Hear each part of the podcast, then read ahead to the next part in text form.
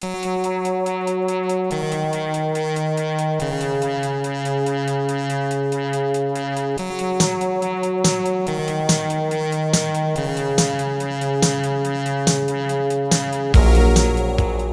to First Draft with me, Sarah Enni. Today I am bringing you the second First Draft live event held at Los Angeles' Skylight Books, which is my neighborhood bookstore, and was such a joy to work with. For this live event, I talked to Victoria Aveyard, New York Times bestselling author of Red Queen and Glass Sword, and local LA authors Elissa Sussman, author of Stray and its sequel Burn, and Lindsey Klingele, whose debut YA, The Marked Girl, is coming out in June. Right off the top, I really want to thank Skylight Books, Elissa Sussman, Maurene Goo, and Kirsten Hubbard, who made this and all the First Draft Live events possible. And I want to thank everyone who came. It was a really fun Saturday talking books and dragons and mushrooms and whatnot. And I want to say that if you enjoy First Draft and or its live iterations, think of leaving a review on iTunes or spreading the word on Twitter or Tumblr or whichever platform holds your digital heart. It's truly a labor of love and all well wishes are appreciated. And for listening comprehension, I'd like to clarify the order of speakers you are about to hear. You'll hear me introduce the panel, then Victoria Aveyard gives the first answer, Elissa Sussman gives the second answer, and Lindsey Klingele gives the third answer. Hopefully that makes it clear and they'll uh, get into specifics as the show goes on. Now, on with the show.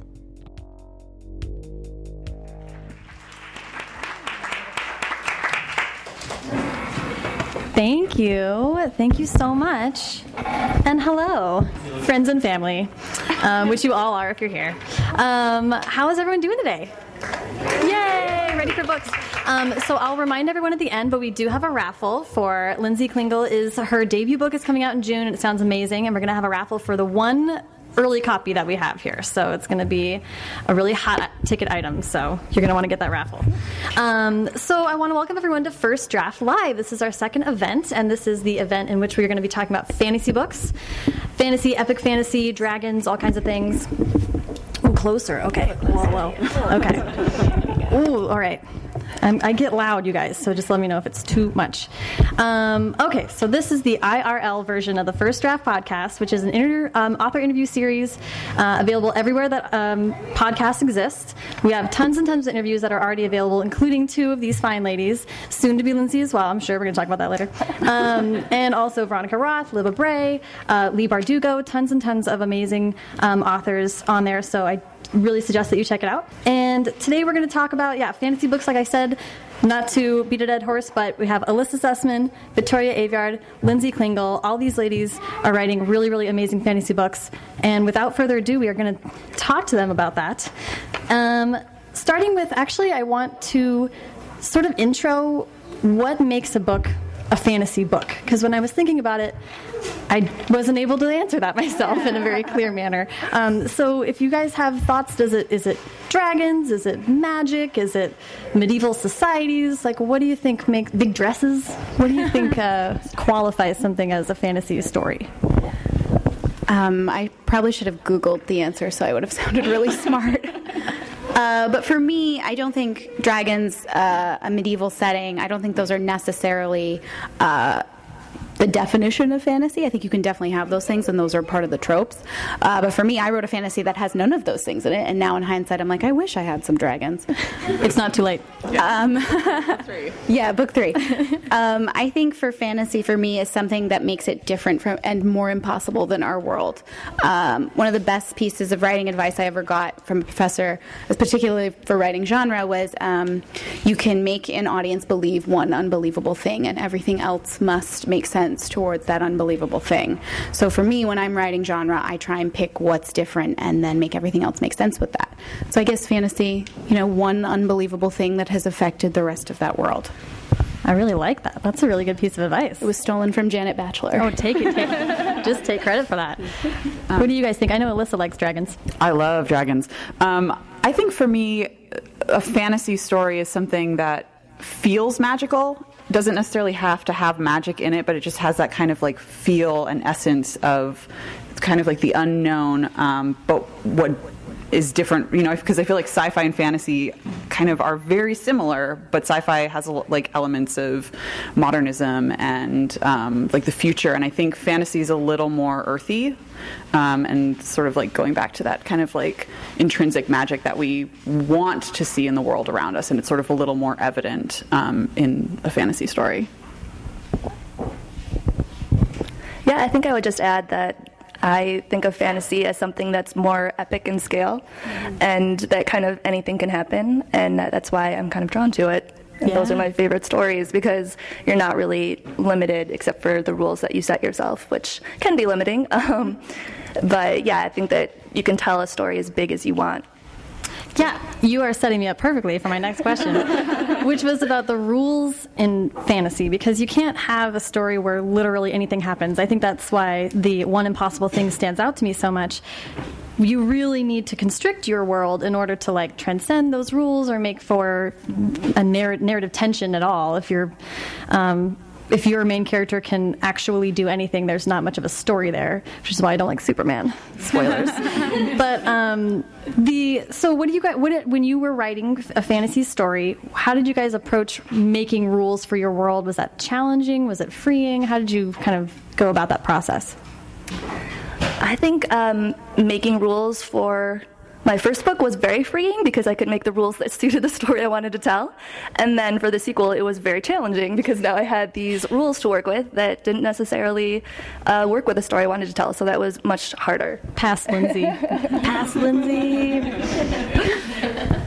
Um, I really like writing fantasy because it's me who gets to make up the rules. As much as I love historical fiction, I could never do the level of research required or that I would personally want to do to make sure everything's correct. So my natural inclination is, well, I'll make it up myself and I'll draw the map myself. Ha ha ha. um, and for me, uh, at least with Red Queen, because it deals mostly with people who have superhuman abilities, uh, it was finding out what the limitations of those things were, which are in this world was really fun to figure out. You know, someone who can control metal, what's an obstacle that they're going to run up against, and how do I do that to them? Uh, so for me, it helped. It informed a lot of the story to figure out where the limits were going to be and how you were going to get people past them. Did you come up with side side comment on that? Did you come up with the rules? Were the rules in tandem with coming up with the plot? I mean, it sounds like that was sort of one and the same. Um, a little bit. For me, I always work out from world building. I'm drawn to setting and world before I'm drawn to anything else. Um, with Red Queen, the first thing I knew was uh, there's going to be a teenage girl who can control lightning, and then I thought, what world has to happen for that to be real, for that to feel real in a book? So I built out and out and out from that, and then found a plot that I wanted to tell, which was oh, a little bit of a rebellion, a little bit of like some royalty in there, um, and it all just kind of came together. That's kind of wild that that's where it all started. Because when you are looking in from a fantasy world, there's so much that finding out what the original nugget is is it's kind of amazing. Um, and I think it's interesting that you were talking about like historical fiction because I actually get a lot of inspiration from stuff that has happened in history um, because I think it's really interesting how unbelievable stuff is you know like you look back on historical things and you're like what? Really? Like and how do we not know about that? And how did we allow it to happen? And so i actually drew a lot of inspiration from things that we've sort of forgotten about as a as a culture or choose to ignore and just sort of that mindset was the basis of reality that i sort of built off of so. Do you think this is what actually was striking me about you're talking about the difference between science fiction and fantasy? And it almost seems like when I think about science fiction it's like Isaac Asimov stuff like it's commenting on our society now based on where we're going. And some of fantasy seems like talking about our current society based on a little bit of more looking back and it's interesting that both you guys brought up history in conjunction with those stories. Yeah, and I think I think because a lot of fantasy stories like have that sense of because a lot of them are based in like a medieval setting, and I think so it is that kind of like reinvention of the past, but but giving it like sort of modern rules almost is a really fun sort of fantasy trope to play with. Yeah. I like that it's like the idea that it's almost like fantasy is looking back in time long enough that anything could have been true. Like dinosaurs were real. I don't know. Dragons could be real too. It's just like we just don't remember. And then in the future, it's like anything's possible because AI, I don't know, maybe it's going to happen. Um, so that's really, it's funny that they're paired so much when really there's differences that are harder to pinpoint than you might, might think. Um, when you're looking at world building, what? How much detail is too much detail? I've seen Victoria get asked questions online that are like, why would she ever oh answer? Like, there's too much. There's such a thing as too much world building. Yeah. I think JK has like ruined it for all of us, JK uh-huh. Rowling, because like I, I mean she has to have answers to all those questions, and now so like She authors. doesn't have to. Well, she has allowed it so. Yeah, for J.K. You know. Rowling, the limit does not exist. Yeah, exactly.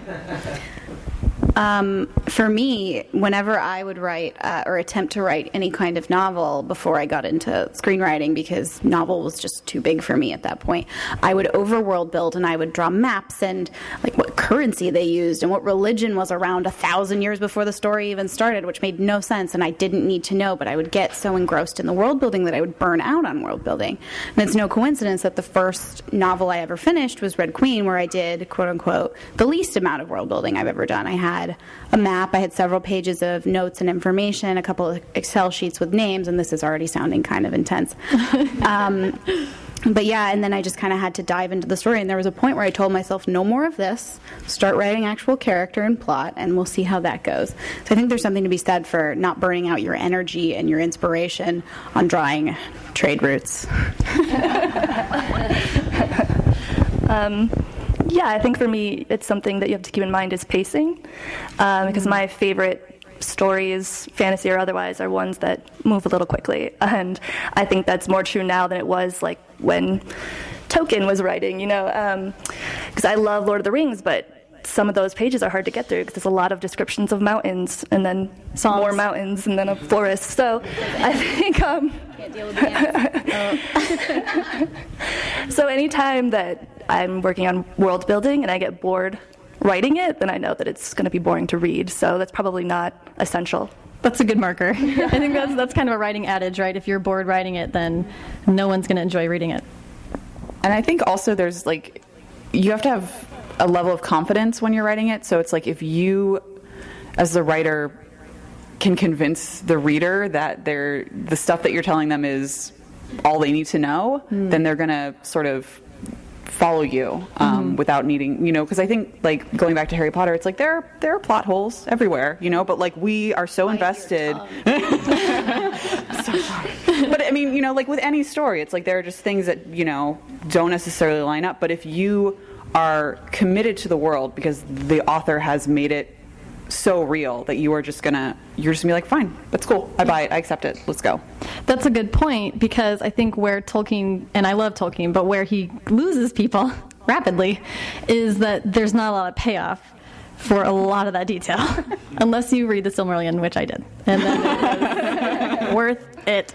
But um, You know how they Coco Chanel says before you leave the house, take one thing off. For fantasy writing, I would say before you name that character, take out a damn apostrophe. no Navi. I think that's a good rule. I'm going to cross stitch that. Um, so, okay, so actually, we heard a little bit about the nugget of the story and then a few pages of detail. I'd love to hear also from you guys, sort of when you're starting a project like this and you know, like, okay, I'm gonna, I want to tell this epic fantasy story. Like, that's huge. How do you start? Where do you begin? I think, like Victoria said, with a nugget of an idea, um, the marked girl is about these people from a medieval time coming to LA, and I got that idea after my parents visited for the first time, and um, just seeing like all of these, you know, great landmarks that I had become accustomed to through their eyes, and that was sort of what started it. That is And I'll amazing. from there. Amazing. Um, for me, for Red Queen, the nugget of the idea, it was uh, I had this image of a teenage girl in an arena, kind of like Gladiator, and I knew she was going to be executed. I didn't know why. Um, but then, for whatever reason, when they go to kill her, she kills her executioner with lightning, and I thought, that's a story I would read. Like, I would like to experience that. And I started figuring Which out. part? I mean, who hasn't wanted to electrocute another person? just a zap, just a we, we may be revealing too much, but I do, I agree. Um, well, for me, it was for Stray the kind of um, my obsession with Disney movies um, and rewatching them and rewatching them and rewatching them, um, and watching Cinderella and just kind of noticing the fairy godmother for the first time and being like, what is her deal? You know, she's got all these magical abilities, but she just shows up and then she disappears. And where did she go? And where did she come from? And it was kind of like wanting to tell a story about that kind of character that has this magic, you know, but is kind of looked on as frumpy and you know scatterbrained. And what does that mean? So, Comic relief. Comic relief, yeah, exactly. But yet she's like incredibly powerful. So. Yeah.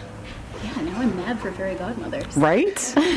Fairy godmothers are pretty awesome, but they do not get, not No love. their due. No Yeah. love. I think that's one of one of the interesting things about really getting into writing is that then now when I watch movies and TV shows, a lot of the time with side characters, I'm like, wait, what's what's their movie? Like, what's their book? And there's a lot of, um, you know, I think a lot of books start that way.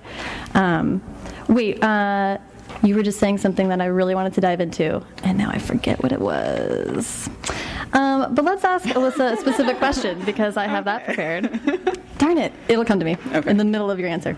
Um, Fine, okay, Just interrupt me. so um, with uh, do you want a cookie? snacks. Uh, Elissa, you have okay fantasy stories and fairy tales. She's serving. Oh yeah, Elissa brought amazing snacks, and everyone, make them, I'm everyone's sorry. Welcome, everyone's welcome to have them. Shame. so embarrassed. um, Burn and Stray deal with uh, fairy tales, which are kind of dealing with strong themes and motifs. There's a little bit of sort of, um, you know, there's like messages within those stories. Um, and a lot of, I think, epic fantasy stories deal with that kind of thing. Um, like oppressive leaders, individuals defying societal expectations. There's all these quests. There's all these kind of like traditional things. When you're approaching telling a fantasy story, how much does the do the tropes of that genre kind of weigh on you? Did you want to try to subvert them? How did you kind of deal with all the existing kind of really well beloved works in that genre? Um, I mean, it's.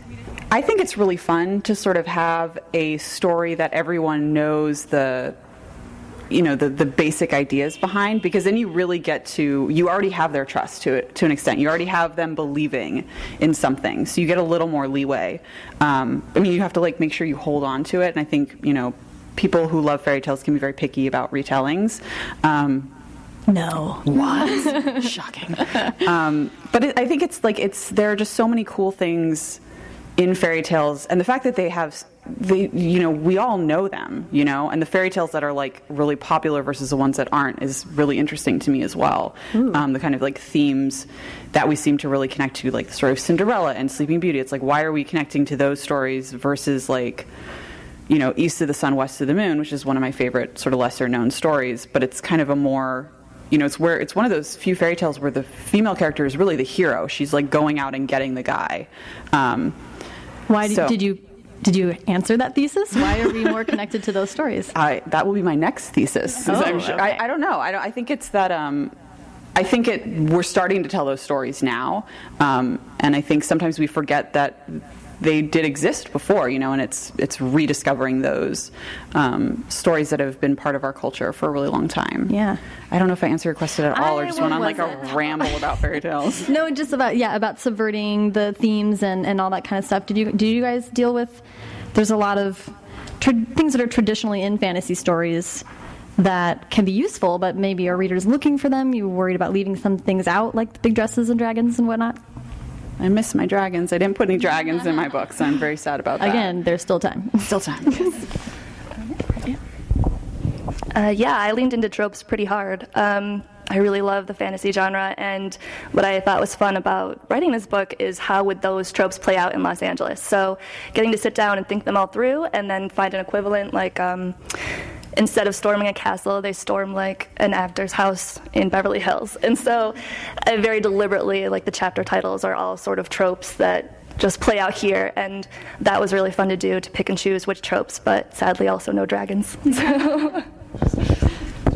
Uh, I didn't have any dragons, but I do have people who could, I guess, if they really wanted to, breathe fire. So that was fun.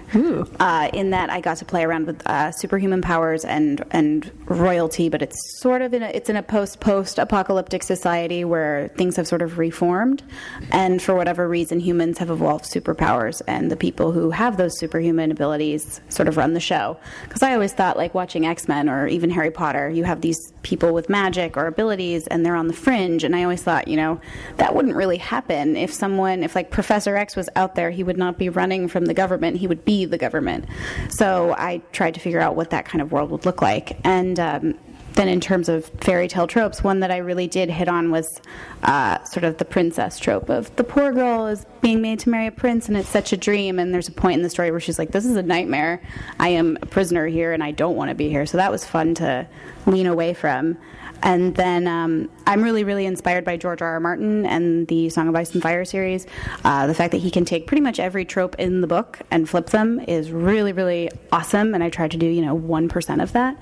Plus, just the way that he treats morality in his characters and that there's no white or black. Every single person is gray. There's no good, there's no evil. Everyone's in between. Uh, makes for very, very interesting characters, really fun characters to write, and just, I think, more truthful characters. Yeah. He also believes in a lot of world building. Yes. um, um, okay. Let's. Um, Lindsey, I can't. I really want to hear more about how you came up with this story and modern day LA. Possibly more about your parents. Um, Do they do they know that that's where the story came from? it's like the best inspiration story. I would I would love to hear you like like you were saying. It sort of sounds like um, my question was how what was it like to see LA through the eyes of your characters? It sounds like you sort of already did that with your parents, and that's like where the book came from. so I mean, what was what was it like to sort of I would love to hear more about how you decided to use those tropes and, and the process of figuring out what in LA would correlate. That's that's so cool.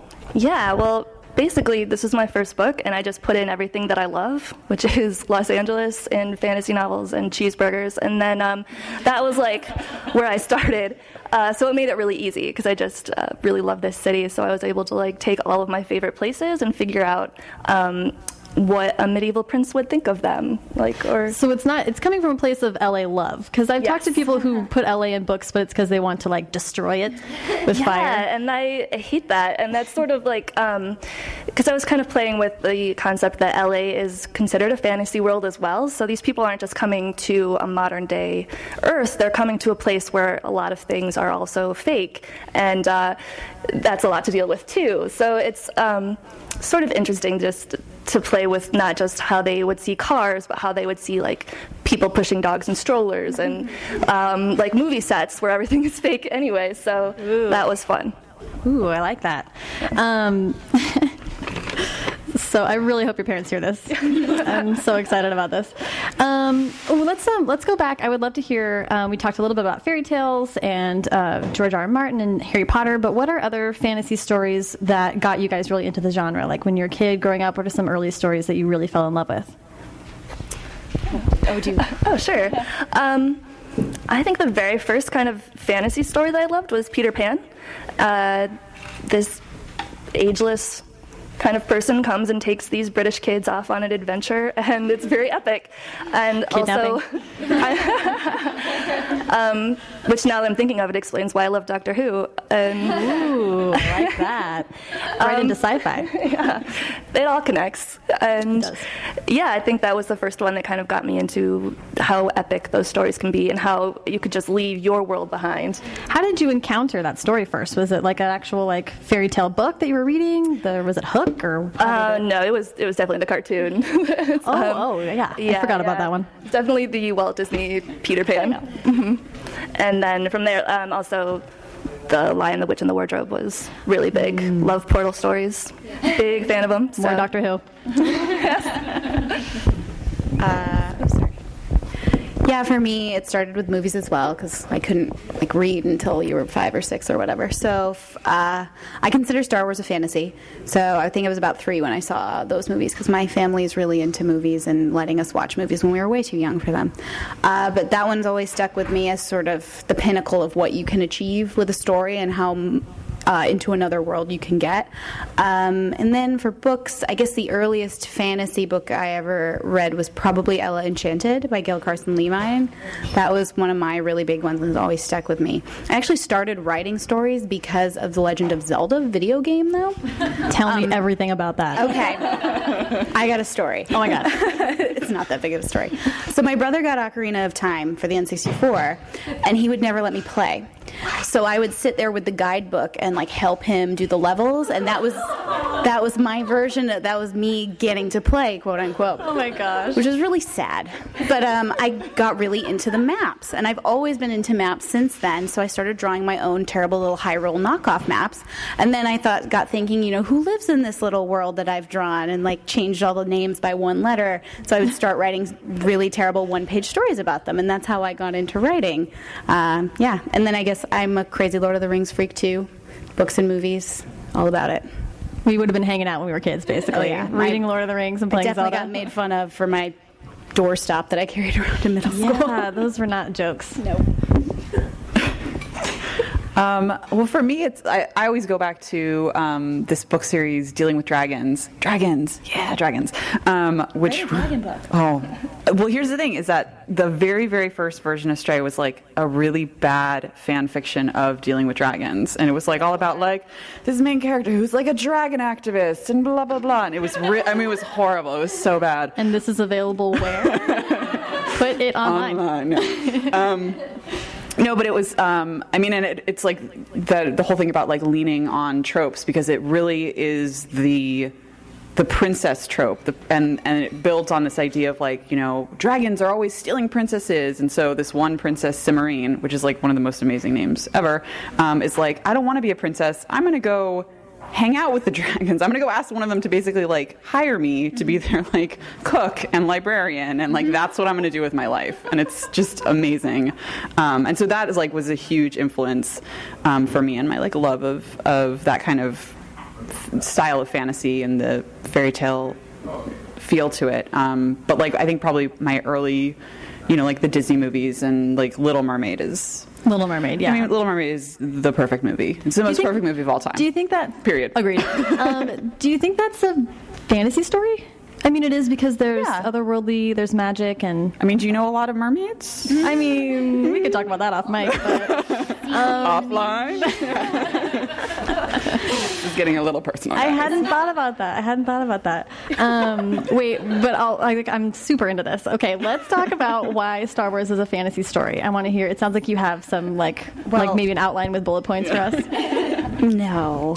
Um, Also online. I mean, it starts a long time ago in a galaxy far, far But away. But then there's blasters and Millennium Falcon. I think it's more of a fantasy story than a science fiction because the science is not core to the story. It's the tropes of the princess, the scoundrel, the farm boy. I could go on. you did just name an Alexa Bracken book, which I is really did. I, fantastic. yes, I did. I love that book. Um, but yeah, it, it has so many different archetypes and tropes that have come from mythology and come from fantasy. You know, the hero with a thousand faces is how Star Wars was written.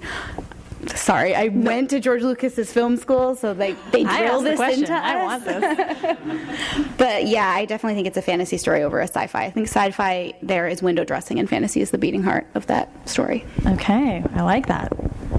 I very much agree. Um, yeah, because it's it's almost the most archetypal fantasy story there is. There's the orphaned farm boy who goes off on a journey and defeats a great evil. That's as basic as it gets. So basic that even though it's not the first of its kind, it feels like it is. Like it feels like Star Wars invented that, and that's what a lot of other movies and stories come from. Even though that's not true, that those are thousands of years. Um, yeah, so I think it's definitely a fantasy. I feel like fantasy books are what theme parks get built about. And it doesn't really happen for very many other stories. Because, like, the Star Wars park is Jurassic going Park is sci-fi. That is okay. Touche. I love it. Um, okay. Well, related to what stories you love and feel connected to, um, what, what fantasy world would you become a part of if you could? And as what character? Um, I always thought I would make a really excellent hobbit. Um, I just really dig their lifestyle. They snack a lot. They live in a really cute underground house. They like have They have the- parties. they have Um, the best houses. yeah. I mean, I love Game of Thrones is one of my favorite shows, and I love the series too. But I would not survive that. I think all of us want to think that like we're an Arya deep down inside, but like I'd be townsperson who dies in episode two. Or, so, yeah, Hobbit for me. Doomed town person. Yeah, I, I guess adding to the Hobbit thing, um, they have it pretty well made, especially in comparison to the rest of Middle Earth. Like in Rohan, the king lives under a barn, and in Hobbiton, they have a post office in glass, so they're doing very well. But and like um, in the movies, it never even gets to them, which we could also talk about offline because that Exactly. needed Yeah. to be in the movies. But in the movies, they're they're stone cold. Got it made. Yes, exactly. But I don't think I, if I didn't have to be in Lord of the Rings and I couldn't be guaranteed a Hobbit, I would want to be guaranteed acceptance here to Hogwarts. Oh, yeah. And I'm not a squib. I refuse. I refuse to be a squib. I refuse. Yeah, I mean, I'm going to second Hogwarts, but I but I want to go there like you know after Voldemort's been defeated. Like I don't I don't want to be there while it's happening. Take the risk. You think you're going to survive? I think more kids survive that than survive Game of You Well, that's true. I mean, comparatively, yes. you could leave before the battle. There was like an open door policy. That's true. But then. But then you're totally gonna know, like everyone's gonna know that you're the kid. They kicked out all the Slytherins. I get kicked out. Well, that's Well, only I'm, in the movie. I am not a Slytherin, so I would not get kicked out. So. I am. So I'm totally a Ravenclaw. Totally, yeah. yes, totally. Wait, do we all know? Do you have the Pottermore officially sanctioned? Also Ravenclaw, but with more Hufflepuff that I'm like comfortable admitting. Me too. so true. There's so many of us. Did you guys see? I don't know if anyone else had this experience. Apparently, it's been going on for like a year and a half, but I only saw it today because Lev Grossman tweeted about it. But it, this girl is writing modern Harry Potter, and it's her own version of where these characters have gone in the years after. And I know J.K. is like about to fill us in and ruin all of our like um, mental concepts of what happened with them. But this took me an hour to read in bed this morning, um, which tells you a lot about my life. And but it was That you're making the right choices. Thank you. Me and my cat. Um, we're, it was it's it was brilliant. It's sort of written in vignette style, and it just follows all the characters. And like George and Hermione start to become a thing, and it's this whole like I was. What? Oh no no. Blasphemy. No, no, no, no. You said- I will link to it in the show notes on this podcast. I won't but read it. she is she's so skillful that she got she got me there. Um, okay, let's see. Oh, I do want to talk. Um, Victoria Red Queen is going to be a movie. so on wood. exciting! Yeah, yeah, knock on wood. Elizabeth Banks is involved, so I feel like it's it's more. I feel like I can just go ahead and say it because she's so cool. Um, so and and and seeing that uh, the theme park thing, Red Queen becoming a movie, which just makes total sense to me. There's so much about fantasy books and fantasy stories that it's so visual and seems to sort of um, invite. It's they're the first stories I think that people are like, oh, this should be a movie, um, I, and, and want I want to interact with this world. You know, it sort of becomes consuming in this way. So, what do you think it is about the stories that makes they really like visual is the word that keeps coming to me. They're just they kind of require you to build all of that out. Yeah, I think they naturally search for stories that are visual and immersive and also stories that sell books. So, built in audience is what they're always looking for. Um, I guess, was that. For Red Queen, yeah, I'm a, I'm also a working screenwriter. That's what my background is in. So it was kind of natural to write a book and structure it the same way a screenplay is. So I guess I, I was already kind of speaking the language, and I knew uh, what the avenues were and how things would be going down. So now we're sitting very happily at Universal. We have our writer, we have our director, and we're just kind of like seeing how things go from there. So exciting! It's very early on in the process. so. Yeah. How did you, um, other ladies? How did you go about making your books really visual? I know when you, you know, reading can be so sort of dry when you think about it, but fantasy books tend to just bring a person into this world. Like, how did you go about making it immersive? Elissa's pointing away from herself. Um, I also think I write in a way that I think I'd see it as if it were a television show or movie. Um, also have background writing scripts, so and in that case, when you write a script, you have to put so much of the work into dialogue and really make it so that the reader can fill in the blanks themselves. And um, I think that's how I wanted to do the book too. Um, again, just not focusing on the mountains and instead focusing on the characters. And uh, yeah, so that helps to write in a way that people can visualize it themselves and fill in those blanks themselves. Yeah. Did you want to? Do you want to jump into this? Yeah. well, I, I think I have a really hard time doing that. Really? So, yeah, I think for me, it's I I have a much easier time writing like the internal sort of dealings with characters, and when it comes to showing what's around them, I have a I have a very difficult time doing that, and really need to be like like my editor was like, what like what do they see? What do they smell? What do they hear? I'm like. I know what they're thinking, you know, like that's all that is an important thing to me. So it's like it's a struggle for me to definitely like look outward. So for you, a story doesn't doesn't play out in your head like a movie when you're No. sitting in front of your laptop. Not at all. Yeah. Is it- I mean, you're know it's- doing pretty well, so I think. Well, it's super interesting. Do you, when you read books, do you see them as a movie? yeah, I think I think um, You think so? I think so. You sound uncertain I know. about that. I don't even know. I don't even know if I like if I have a act like a.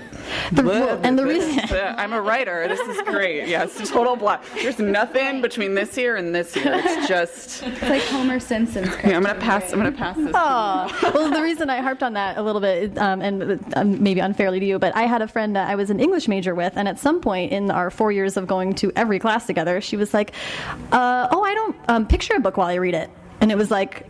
What? What? I was like, well, what are you doing? She's like, I don't, I'm reading and hearing the story, and I was like, I, I, I don't actually understand how you love books as much as I do. It was such a weird moment for me realizing that there's so many different ways to experience a story, and you don't have to envision it that way. Um, but my tag along to that question is, I, I love that you both are writing screenplays too, um, because it's fascinating to me. Uh, when I thought about doing it or the process of it, I was like, okay, so you write the screenplay, I get it.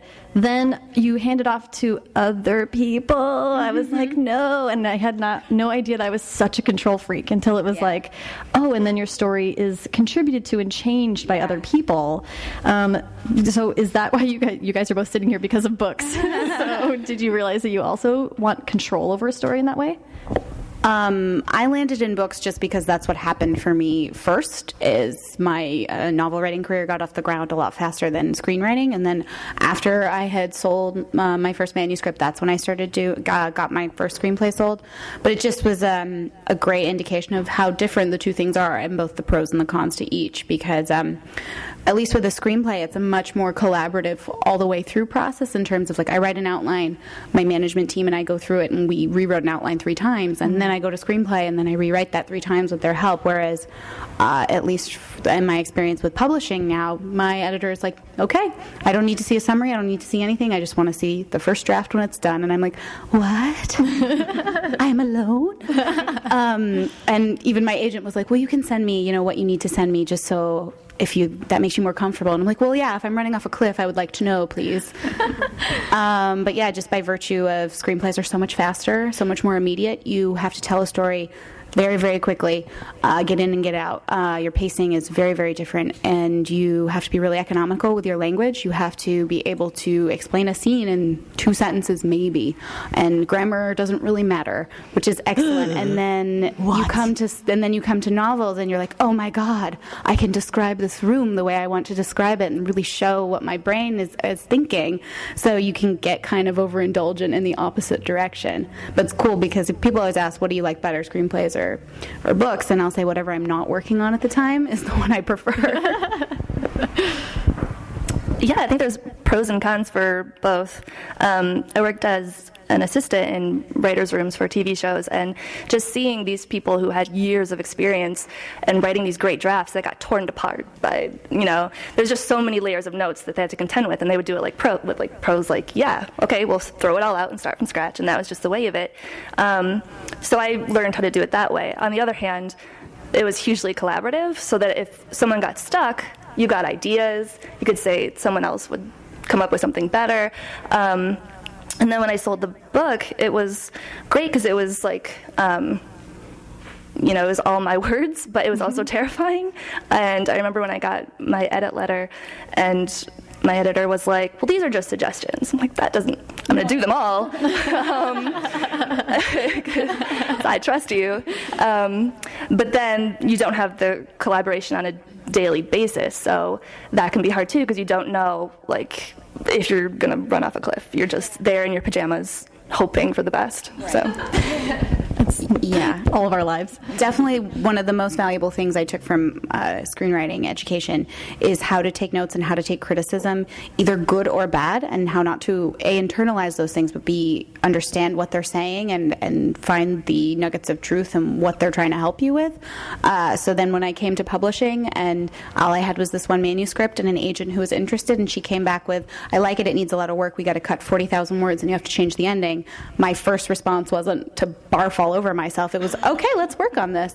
So um, I definitely advise taking any kind of workshop writing or screenwriting class just to get the thick skin that you need to work in any kind of creative industry that has any collaboration process whatsoever. Because if you're going to take it personally when someone says, "Well, I didn't get this," that's you're, it's not the job for you. It's going to be an uphill battle. Actually, I would love to hear Elissa. I know Elissa is right now in an MFA program, and she's dealing with a lot of critique and workshopping and stuff like that. And you had some really great thoughts about it that I'd love you to share. Elissa talks about it on the podcast that we did together a little bit, but Yeah, I mean, sorry. no, you just had great notes about what critique is and and how to t- figure out what critique to take. Yeah, I mean, I, I really think that what Victoria was saying is true, and I, th- I think it's such good advice to every every writer, every creative person to to get used to get to getting criticism, getting notes, um, and yeah, because it is a you know you really do have to be thick-skinned, and you have to really um, be able to figure out what good criticism is and what bad criticism is because I think and, and also I think you learn that by giving criticism um, because I think we all you know have this idea that our opinion is valid criticism and it is when it's like you know when you're suggesting a book to someone else and you're like you know I liked this because of this and this. But if you're giving criticism to someone with the hopes of improving their work your opinion isn't really the important thing, and you have to learn how to um, think about what the author is trying to say and the story that they're trying to tell, and then be able to give them criticism. And I think when you can do that for other people, you get better at reading and figuring out the criticism you're getting and, and figuring out what is going to be good for you and what's going to be bad for you. What I've also found, and I don't know if this is true for anyone else, but for me, a lot of times, and this is going to loop loop back, but a lot of times when I find traits about other people annoying, mm-hmm. I then realize that it's because I do that, and that it's like, oh, this is something that I hate that I do, and that's why I'm noticing it. And I think the same thing is true in critique. A lot of the times, I'll find myself critiquing a book for someone, and I'll be like, no, no, too much description. And Then it's like, oh, right. Um, I also have to cut forty thousand words and change the ending. Um, so I think there's a lot, yeah, a lot to be gained on all kinds of ways from Yeah. getting better at critique. And it's so much easier to see problems in other people's work than it is to see it in your own. You know, obviously you're you feel very tender, and I mean, hopefully you feel tender towards your work. Um, but I think Victoria's like, "Eh, it's all right. Um, and I, but I think that yeah, being able to. To, to pull back a little bit and learning how to pull back is really helpful and I think being in critique you know and and and, and a lot of times you find critique partners that way, you know, which is like so important to find people who you trust, who you feel have your best story in mind and are going to be able to read it and give feedback that is helpful and that they, you know, and, and I think the best way to find it is like find people who love the same stories that you do, you know. And and actually, I would love to hear you guys talk about.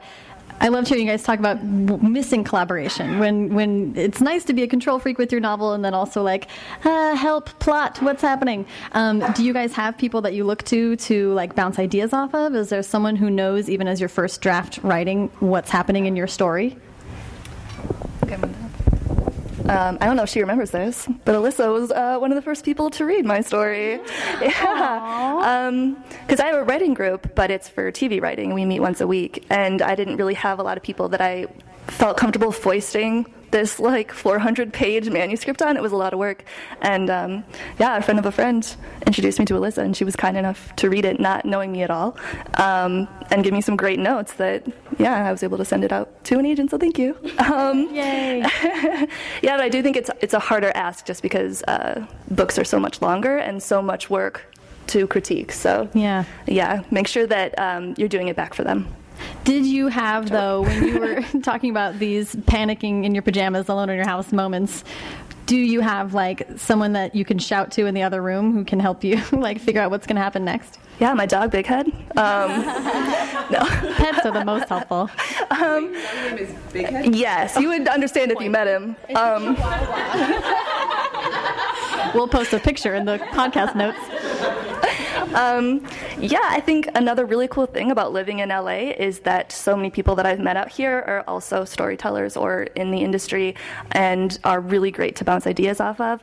And a lot of them also love stories. And so getting to talk about all these movies that come out and television shows, like I trust their opinions because they like the same things I like. And yeah. That's huge. Um, for me, when I was first writing the manuscript for Red Queen and sort of flying by the seat of my pants, had moved home uh, to write a book situation. Um, there were two people who were reading it as I was writing it, and they would read each chapter as I finished. I would send it to them. It was my best friend and my dad, and neither of them are writers. Um, so there was no like creative uh, echo coming back to me. No one was telling me like, "Oh, I didn't like this foreshadowing." But when I started to slow down and think that this book was garbage and it wasn't going anywhere, uh, they would both start to bug me and be like, okay, well, if you quit, I would like to know what happened. So if you could just finish the book, that'd be great. So it was peer pressure that made me finish writing. That's really sweet. And then after I um, got signed and sort of started getting pulled into the publishing world, I found a friend online who has become sort of a CP and reads my stuff as I'm going along. And she gives really great notes and is a good little cheerleader, kind of. I don't like to take that many notes as I'm writing, uh, just because I think it slows you down a lot. I don't like to self edit too much. I like to get to the end first and then go back. Uh, my agent is also a really, really great editor, so she's cool. Yeah, I mean, sort of not exactly what you're talking about, but kind of going off of what you just said. I think it's good to have like to to have the really you know great critique partners, but it's also nice to have like the person who's just going to be like, "It's wonderful." You just need one of those people. I mean, Oh, yeah. you don't don't have a whole like you know group of them, but like it's re- like I think when you really are having that kind of like awful feeling it's nice to have someone be like you wrote a book good job you know and that's Yeah. sort of will get the win back in your sales i think is really Yeah, helpful. I had someone that I sent an email every morning while I was like rewriting something, and she was just like, "You're pretty, and this is amazing." And I was like, "It was my." She was my Leslie Knope. We should all be so lucky as to have a Leslie Knope in our lives. Yes, Beautiful tropical fish. yes, and I don't mind being Anne either. Listen, Anne was great. I think Um, also, sorry. oh. No, please, please. um, when you're working from home, it's really easy once you start getting into a negative headspace to like let yourself live there, um, which is why it's helpful. You know, I have my boyfriend read everything that I write, but I tell him he can't say anything bad about it. So Good rule, Uh, same for my mom. Like I just can't take like criticism from my mom like that. So, so I always have like two people who will always just say, "No, it's really good," and I choose to believe them, even though I told them to tell me that. So that really I have a contract I like people to sign. You will not say anything negative to me. Um, okay, um, we are actually going to take some audience questions now. Um, so, and I think we will probably just use this mic, or if people can yell really loud, then we'll repeat the question. Um, but does anyone have a question that they would like to ask any of the panelists? Maybe about Big Head. You guys have anything? I'm looking at Emery because she's in town. We're excited. we have a bunch of YA writers. Um, everyone knows I have more questions.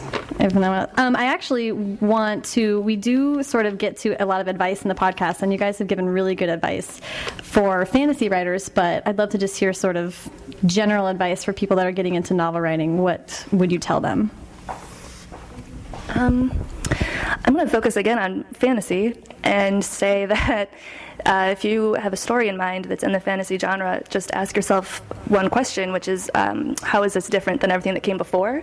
And I think that will really kick you off in a strong way because once you answer that, then you know everything else kind of falls in line. So just so many things have been done, but are you like mashing genres? Are you answer asking a question that's never been asked? And yeah, I think that'll kick you off. Uh, yeah, my advice for people wanting to write um, get a thick skin, finish what you're working on, get to the end, uh, eyes on your own paper, and don't take shit from anybody. Yeah, wait. Do you want to explain eyes on your own paper because that is like one of the most helpful pieces of advice. Yeah, it's pretty easy, at least in publishing, because it's such an inclusive world. And once you're in it, it's Twitter and Tumblr and social media is really, really pervasive. And it's great because we get to form all these relationships with people who might necess- never meet. But uh, you get this this uh, nice sort of support group. But at the same time, you hear about everybody's highlight reel, kind of. You see their Instagrams, you see their trips and whatever. And oh boy, this person sold this many units, or this person's this rank on Amazon. And you sort of either want to compare, you naturally want to compare compare yourself. Humans are naturally competitive. So a little bit of that is healthy and it's good and it can fuel you, but at the same time, your journey is so much different than everyone else's.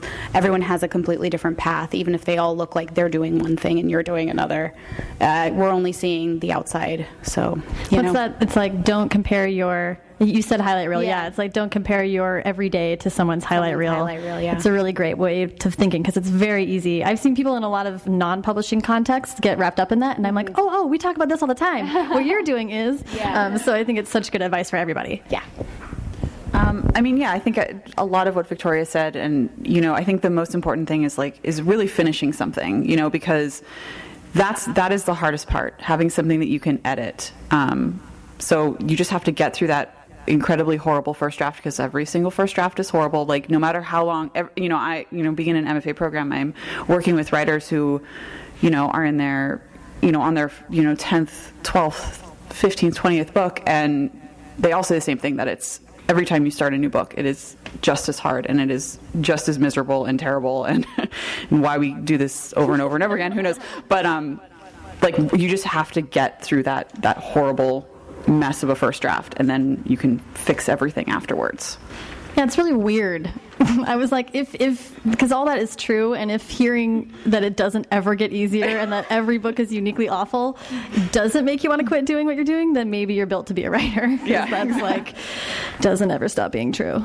Um, do we have any audience questions? Yay, we have a couple. Um, just, you can just stand up and shout it out, and we'll repeat the question, please. Uh, This has been ridiculous, but I'm just um, curious because I've never been in such a thing.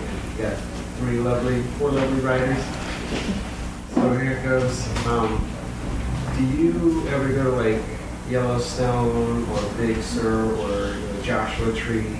Like, I can't think of anything. and you're like, I'm gonna take mushrooms. do, you- do you ever uh, shout into the void? Let me rephrase that. So, uh, the question is Do we as writers ever maybe get to a, a breaking point where we need to go on like retreats or to beauty, places of great beauty and possibly alter our minds in any way to be inspired for book ideas? Um, I actually go to Yellowstone a fair bit. I love Hey. I love Yellowstone. I love the national parks. Um, Shout out to our I national do, parks. Yeah, ex- I thank the National Park Service in every single one of my books. the first two chapters of Red Queen were written in Montana. That's amazing. I'm going to yeah. thank Teddy Roosevelt in mine. I know. Um, yeah, I do like to travel and work on the road. I love working uh, in places of great beauty. Um, I'm more of a drinker than a mushroom taker, personally. Love it. Let's but on I, um, as a rule, do not drink and write. I don't smoke and write or anything like that. I just can't work that way. I know plenty of people who can and they produce that way, but it, I, it's just not something I want to have to rely on at this know- point in my career. I know Victoria has seen my blog in which I exclusively post pictures of me I writing want in to bars. start kind of start doing that, but also like my fans are a lot of them are 14. yeah, a young adult makes it I always have to preface with I'm 25. It's legal. Do you guys do retreats? Other? I'm not what you'd call a nature person, so She loves Los Angeles. I do. I think when I need like a mental break, that's when I um, go to the movies or watch TV. So that's like every day for several hours. Um, but I also not into mushrooms. Oh, that was specifically I what guess the that question goes asked. against the Hobbit thing from earlier, but Good point. Those aren't hallucinogenic though. that we know of. Pipe weed. Yeah, That's what they were smoking. Yeah. um, I do. it was a, it was in the two towers, guys. I think like wine and beer is my, my treat for finishing because I also can't drink and write. I like Hemingway did it and bless him, but I need coffee. We don't and need to focus. emulate. We don't need to emulate Hemingway in life. Can't do it. The second I have a glass of wine, my mind is gone. So Yeah. Yeah, I don't go outside either. Um, and that's it. no, I, th- I think my my way of sort of clearing my mind is. This is, this, I call it like a fake nap, where I just like I mean, sometimes I do fall asleep and actually take a nap, but like lay down and just kind of like, you know, actually kind of just like clearing out, clearing your head, um, which I can just do on my own. So it's usually That's like the last 15 minutes of a yoga class for me. Exactly. yeah, like, exactly. "Well, Think deep thoughts, and I'm like, I'm asleep for yeah. sure. Good night. Thank you. Yeah, Yeah, um, I just went to Joshua Tree recently, and I would love to do that. And I, I find that I can drink until one and a half glasses of wine. That's my answer. Um, uh, do we have? We had another question. You want to? Brandon, ask. Uh, what are you guys reading right now? Ooh, good question. We have 15 minutes for this answer, so no, I'm just kidding. Um, I'm actually rereading um, Shadow Scale, which is uh, Rachel Hartman's uh, companion to Seraphina. I just read Ser- reread Seraphina, and I'm rereading uh, Shadow Scale, which is um, I when I first read that book, it was it captured exactly the feel I got when I read Dealing with Dragons for the first time, and it's dragons. Bring it back to dragons, all about dragons. Um, and it's I think it's just it's one of my favorite fantasy books, especially YA fantasy books of the past you know few years. Um, I'm currently, I just saw Hamilton, so I'm on a bit of a Revolutionary War kick. So I'm currently reading 1776 by David McCullough, and I'm also reading um, Hidden Bodies by Caroline Kepnes, which just came out. It's the sequel to the book You, and it is this really unsettling, like th- sociopathic thriller book written in second person. I highly recommend it. The first book's set in New York, the second one is set in Franklin Village, and it's creeping me the hell out because this serial killer stalker guy is all up in the area. Whoa. So well, Charles Manson was here too. So Yeah. But it's very weird for him to be like, I went into birds and waited for you, and you're like, oh my God. I was in birds. um, uh, is that it's a YA or it's not? It's adult. No, sounds it- like. I made the mistake because someone asked this question. I was just on tour, and some uh, teenager asked this question, and I started to say, "Oh, it's this book called You," blah blah blah, and I had to stop and be like, "Have your moms read it first. I'm in trouble." Um, yeah, so my book's coming out this year, so I'm part of this kind of club called the Sweet Sixteens, which is sort of like a debut um, author kind of group, and we all send each other our books, which is really fun. Um, so right now I'm reading The Devil and the Bluebird by Jennifer Mason Black, and it's awesome. So That sounds great. another Sweet Sixteener. Yay! Um, actually, okay, I do want to, Maurene, would you mind helping me? Um, if anyone didn't get a raffle, this is a free raffle for um, an early copy of Lindsey's book, which doesn't come out till June, but sounds so amazing. And I want to make sure that before we finish, that everyone has a raffle ticket because we'll draw those. So, final question, and just kind of a quick blast is what um, what made you guys choose YA? Why do you like writing YA? It was always my favorite genre to read.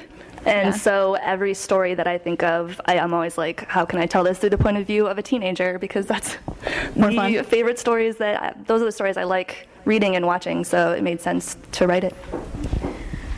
Yeah, in my opinion, YA just means your main character is between the ages of 14 and 18. So Harry Potter is YA, no matter how many people will tell you, oh no, it's better than that. Well, screw you, I'd like to shoot you. um, that's on tape. That's fair.